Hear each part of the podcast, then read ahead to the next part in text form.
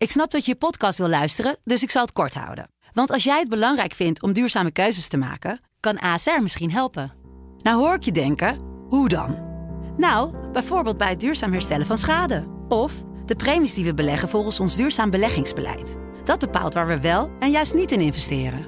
Wil je meer weten over welke duurzame keuzes ASR maakt? Ga dan naar asr.nl slash duurzame keuzes. ASR doet het. Zo, dan kan je nu lekker naar je podcast luisteren.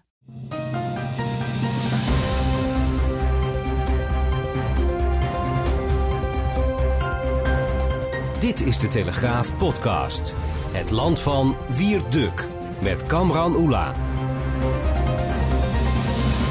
Wekelijks analyseert onze verslaggever Wierduk nieuwsgebeurtenissen die hem die week hebben bezighouden. Mijn naam is Kamran Oela, nieuwschef bij de Telegraaf en presentator van deze zevende aflevering alweer, gepubliceerd op donderdag 15 november. En dat is precies twee dagen voor de landelijke intocht van Sinterklaas. Ja, Wiert, heb je ooit gedacht dat je daar nog zo mee bezig zou zijn op deze leeftijd? Nee, en ik hoop ook al jaren, een aantal jaren dat ik dat niet meer hoef. Maar het wordt alleen maar erger. Dus ik vrees dat we volgend jaar in Scherfvesten met helm op... als de intocht nog wordt georganiseerd... ergens eh, staan op een... Uh, op een uh, ver industrieterrein uh, omringd door ME en zo. Want het loopt helemaal uit uh, de klauwen allemaal. Yes. Ja, maar daar gaan we het over hebben. We gaan het er zo uitgebreid over hebben. En ook hebben we het over mensen in de bijstand. die anderen aanspreken en zeggen... hou op met zeuren als je zelf in de bijstand zit. Um, en ik zeg alvast dat feedback en tips welkom zijn via Twitter of via podcast.telegraaf.nl.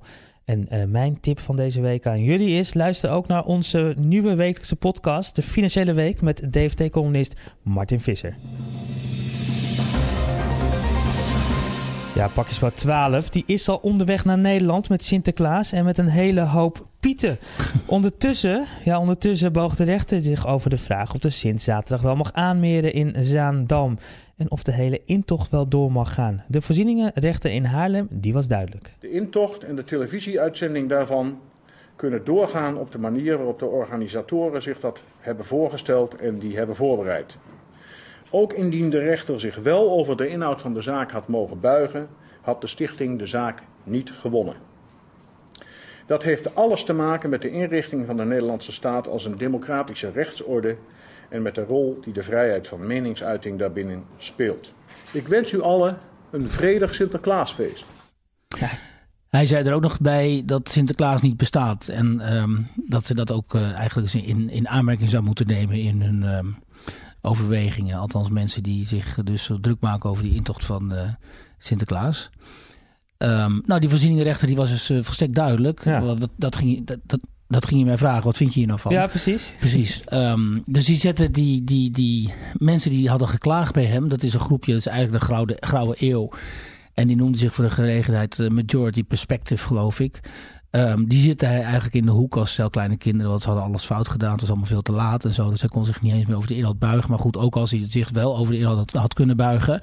Dan had hij hen dus nog steeds ongelijk gegeven. Dus um, hun... Uh, wens dat die intocht zou plaatsvinden zonder Pieten eigenlijk. Omdat ze wilden dat uh, uh, een soort sminkverbod zou komen. Uh -huh. um, die zouden sowieso niet gehonoreerd zijn. Nou, dat is mooi en dat is, uh, dat is dan een duidelijke, duidelijke uitspraak. Ja, een, een duidelijke uitspraak. Um, en, en toch zul je zien, hè, dat, dat, dat, ze zeiden van tevoren al van ja, die rechter die gaat ons toch nooit gelijk geven. Want het, ja, dat, die voelt zich alweer door de media helemaal een bepaalde hoek ingedouwd. En er was sowieso veel meer disrespect ook überhaupt van die gasten. Niet eens ja. opgestaan, geloof ik, uh, toen de rechter binnenkwam. Ja, mensen moeten, moeten zich goed uh, realiseren hoe absurd dit eigenlijk is. Hè? Dit, zijn dus een, dit is een heel klein marginaal groepje uh, querulanten... waarvan één jongen is gewoon ook zonder, zonder verblijfplaatsen. Die zwerft eigenlijk door Nederland en... Uh, dus dat is een soort zwerver. En die andere jongen die schept er genoegen in om elk jaar rond deze tijd dan een soort doodsbedreigingen te laten uitgaan aan Sinterklaas en uh, anderen. Zodat hij weer eens opgepakt gaat worden. Die is ook weer opgepakt hè, na die zitting. Uh, dus dit is een heel klein groepje querulanten waarvan je eigenlijk zou zeggen, joh, die, hebben, die, die zijn totaal geen aandacht. Um, uh, of die moet je geen enkele aandacht uh, geven. En die krijgen dan toch weer aandacht. Want zo is Nederland en zo zit die rechtsstaat in elkaar. En dan verliezen ze zo'n uh, kort geding. Um, maar wat wel interessant is, is dat uh, deze mensen toch ook wel weer deel uitmaken van een groter geheel. Mm daar hebben we deze week met um, collega Marcel Vink een uh, stuk over in de krant geschreven. Over dat netwerk van die antipieten, zeg maar. En wat nu eigenlijk achter die. Of wat, wat nu eigenlijk de ideologie is van die mensen die daar zo actief mee bezig zijn. En dat zijn dan mensen die dus lopen. Dat, dat, dat spectrum loopt dus van he, helemaal deze extreem linkse, eigenlijk anarchistische kant. Met mensen die niet helemaal meer uh, alles op een rijtje hebben. Tot uh, delen van het uh, gewoon establishment ook. Ja. Uh, waar mensen het eigenlijk wel voor een groot deel eens zijn met die in mijn ogen nogal destructieve ideologie. En als je dat dan in kaart brengt, zoals wij hebben gedaan, ja, dan zijn ook de rapen gaar. Want het stuk wat we in de krant hadden, dat heeft enorm veel ophef veroorzaakt. Zelfs nog meer dan ik had gevreesd of gedacht. Ja. En, wat voor ophef? Wat, wat heeft je het meest verbaasd? Uh, nou, de, dat, het feit dat mensen dus totaal niet ingaan op uh, wat daar staat. Uh, maar onmiddellijk beginnen om zich heen te slaan en verdachtmakingen te uiten. En, um, uit te gaan dat, dat dit dat, de krant een agenda zou hebben. Terwijl, ja, wat wij volgens mij hebben gedaan is gewoon feiten op een rijtje zetten. En zeggen van, joh, kijk eens, deze mensen die zijn, die hebben ook links met elkaar en die kennen elkaar. En ze maken weliswaar ook heel veel ruzie met elkaar. Maar het is wel eigenlijk één een soort gemeenschap um, van mensen die een heel duidelijk uh, idee hebben over het feit dat zij vinden dat de Nederlandse de historische kanon uh, veranderd moet worden. Dus er moeten niet alleen die Zwarte Piet moet weg, maar ook uh, straatnamen moeten worden aangepast. Die mhm. standbeelden van zeehelden en zo ja. moeten weg. Uh, museale collecties uh, moeten weg. En dat is heel radicaal, zeg maar, um, extreem links de linkse denkwereld, die is overgewaaid ook uit de Verenigde Staten, uit die antiracismebeweging en zo. En daar hebben we mee te maken. Nou, het lijkt me goed als de, of de lezers dus weten van uh, wie dat ja. nu precies zijn. Kijk, en is, ik kan, of laat ik anders zeggen, ik kan me heel goed voorstellen dat er mensen zijn die, uh, die tegen Zwarte Piet zijn, uh, om, om, omdat ze er vroeger mee gepest zijn, mm. of omdat ze, omdat ze bepaalde beelden erin zien, noem maar op. Maar het krankzinnige is natuurlijk de, de mensen die ze nu uh, zijn gaan vertegenwoordigen. Dat zijn of radicalen die je noemt, en die je ook uh, heel uh, goed, ja. denk ik, hebt beschreven in, het, in, de krant. Maar of gekkies. Want zo'n zo Michael van Zijl die is opgepakt en zo'n Rogier Meijering, dat, ja. toch, dat is toch die kun je niet serieus nemen natuurlijk. Die zijn of die hebben soort hè, Michael van Zijl heeft echt duidelijk een criminele geest en Rogier Meijering, die andere man dan, ja, dat is gewoon helemaal. Maar waarom neemt men daar geen afstand? Wat ik dus niet zo goed snap, misschien snap jij dat wel. Waarom nemen dan mensen die tegen Zwarte Piet zijn en nogmaals gewoon de uh, mensen die wel een bepaald gedachtegoed hebben, maar gewoon uh, weldenkend tegen Zwarte Piet zijn, waarom nemen die geen afstand? Van zo iemand? Nou ja, er zijn wel mensen die zeggen van ja, die, die, die lui die zijn uh, koekwous, zoals ze dat dan zeggen. Ja. Uh, maar het, het, het bredere probleem hier is denk ik dat uh, er binnen de bestuurlijke en politieke en ook mediale kasten eigenlijk eigenlijk een soort van sympathie bestaat voor dit uh, standpunt dat uh, Zwarte Piet weg moet. Um, wat op zichzelf een, een eerbaar standpunt is, hè, als, je dat, als je vindt dat Zwarte Piet racistisch is.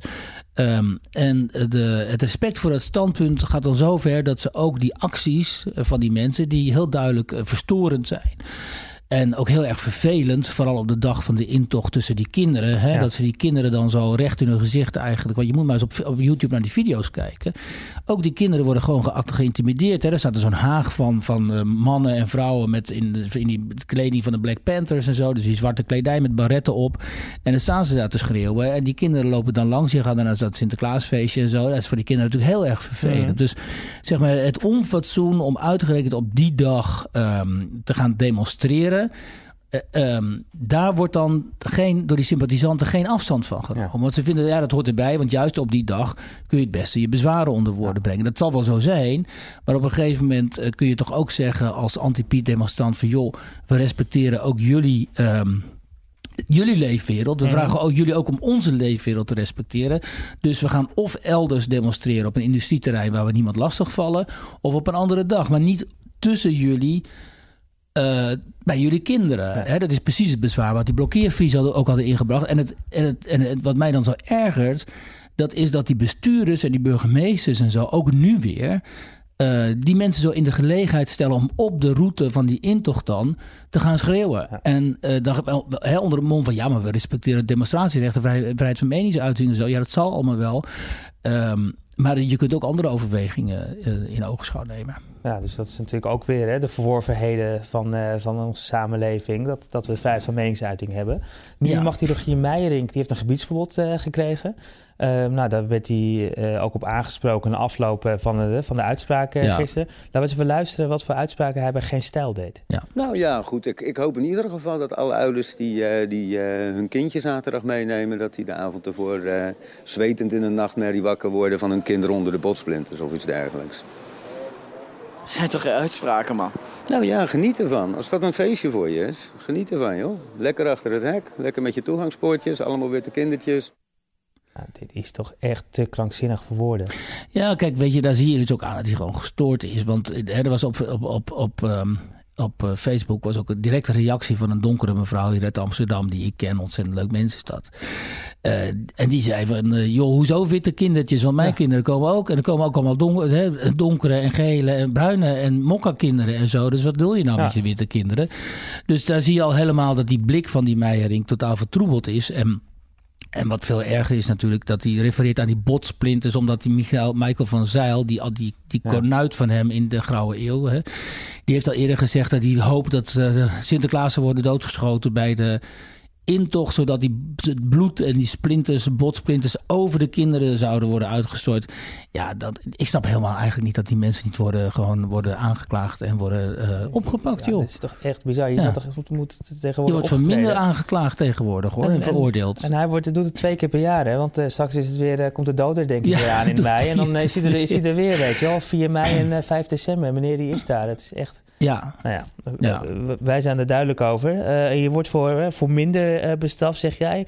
Ik kan me zomaar voorstellen dat je het ook eh, daarmee doelt op de blokkeervriezen. Inmiddels twee ton opgehaald. Ja, die blokkeervriezen die zijn dus veroordeeld. En ehm, dat schoot dus bij heel veel mensen kennelijk in het verkeerde keelgat. de hoogte van die straffen. Niet de bestraffing op zichzelf, omdat de blokkeervriezen zelf ook wel wisten dat ze bestraft zouden gaan worden. En dat ook accepteerden, want ze zeiden ja, we hebben die wet overtreden, maar dat deden we voor onze kinderen. En, eh, maar nu hebben ze dus die hoge taakstraf gekregen. En dat, eh, dat was dus reden voor eh, mensen om een doneeractie op te starten. En die stond dus binnen de kortste keren boven de ton. En nu is ze bijna twee ton. En ik geloof dat hij nog twee, twee dagen loopt of zo. Dus die gaan gewoon twee ton binnenhalen voor het hoge beroep wat ze hebben aangespannen. Ehm, nou, daar kun je echt wel, echt wel een hoger beroep voor betalen. En nog wel meer eh, natuurlijk. Ja, nou, maar het geeft ook die massale steun eh, aan eh, die, de, die er in ieder geval voor, voor hen is. Iets dan- meer dan de helft, als ik in trouw, van de Nederlandse bevolking steunt Ja, hen. ja. Dat is natuurlijk wel, ja, dat is heel erg veel zeggen natuurlijk. Nou, nu is het over minder dan twee dagen. Dan is Sinterklaas gewoon in het land. Mag je je schoen gaan zetten. Eh, maar eerst is nog die, eh, nog die intocht. Eh, ben jij bezorgd over of het allemaal goed gaat? Eh, ja, inmiddels wel. Vroeger was ik het eigenlijk nooit zo. Maar inmiddels is de situatie zo extreem geëscaleerd en zijn die posities zo verhard. En zie je ook dat van de andere kant, telkens hardere, eh, van de andere kant dan dus van de antipieten, Ja. zeg maar, dat daar steeds hardere eh, retoriek wordt gepleegd. eh, hè? Ehm, en dat, dat, is, dat is overigens al een tijdje gaande. Dat dus zeg maar de aanvoerders van die beweging zeggen, als het niet goed, ge- goedschiks kan, dan maar kwaadschiks. En dan als in dan wordt gevraagd, maar hoe dan? Dan zeggen ze nou, eh, ja, je kunt getrapt worden en het accepteren, nog een keer getrapt worden en het accepteren, maar uiteindelijk leg je iemand gewoon in een klem, Ja. omdat je het niet meer accepteert. En, Dus je ehm, verwacht wel dat die clash nu echt wel van twee kanten kan gaan komen. nou, en dat roept dus zo vreselijk veel weerstand op eh, bij mensen. En zoveel ergernis dat ik. En er hebben zich bovendien ook al groepen aangemeld, hè, hooligans en zo, over, eh, op verschillende plekken. die van plan zijn om die anti-Piet-activisten tegen te houden. Dat ik vrees, eh, zo langzamerhand inderdaad, dat het eh, wel eens tot escalatie zou kunnen komen. Nou, dan eh, gaan wij het allemaal zaterdag eh, volgen weer. We zijn live ook op telegraaf.nl. En we hopen eigenlijk dat we een hele saaie show gaan maken. Namelijk met alleen maar de Sint-Ister. En, en dat we een beetje Pieterlieden gaan zingen. Maar we vrezen dat we moeten gaan schakelen met allerlei plekken in het land... waar het toch niet helemaal soepel loopt. Want we zijn op verschillende locaties. En omdat daar ook door die kick-out Zwarte Piet-activisten acties zijn aangekondigd. Hè. Precies, ja, Ja. precies. Dus eh, zaterdagochtend eh, allemaal te volgen bij de Telegraaf. Ja, iets eh, totaal anders. Jouw rubriek deze week in Nederland in de Telegraaf, zoals elke donderdag. Ehm, en in deze week had jij een, een, gesprek met Sofia en Hielkje. Ja. En, en, Sofia die staat ook prachtig op de, op de foto. Mensen moeten maar de krant kopen of naar telegraaf.nl gaan. Als, om, als kruidenvrouwtje in haar keuken zo ja. ongeveer, ja. Maar die heeft uh, het, jaren in de bijstand gezeten. En ze zegt van, joh, al dat gezeur over mensen die, die, mensen die in de bijstand zitten... van we, we leven in armoede. Als je het gewoon goed aanpakt, kan je sparen en eruit komen. Ja, dat is eigenlijk een heel opmerkelijk verhaal. Ik wil dat verhaal schrijven omdat vorige week een rapport verscheen... waaruit bleek dat uh, het aantal arme huishoudens in Nederland weer stijgt. Sinds, een aantal, sinds vier jaar is het weer stijgende. Uh, dat hangt ook samen met het aantal Syrische migranten, immigranten overigens. Maar... Um, er woedt natuurlijk al de hele tijd een discussie over armoede. En hoe je in armoede eigenlijk uh, over leeft. En in deze tijden waarin volgens allerlei analisten ook uh, de scheiding in de samenleving steeds maar toeneemt. Hè, zo de, de, de middenklasse zal bijna wegvallen. En je hebt nog een hogere klasse die het heel goed heeft. En een onderklasse die het veel en veel slechter heeft.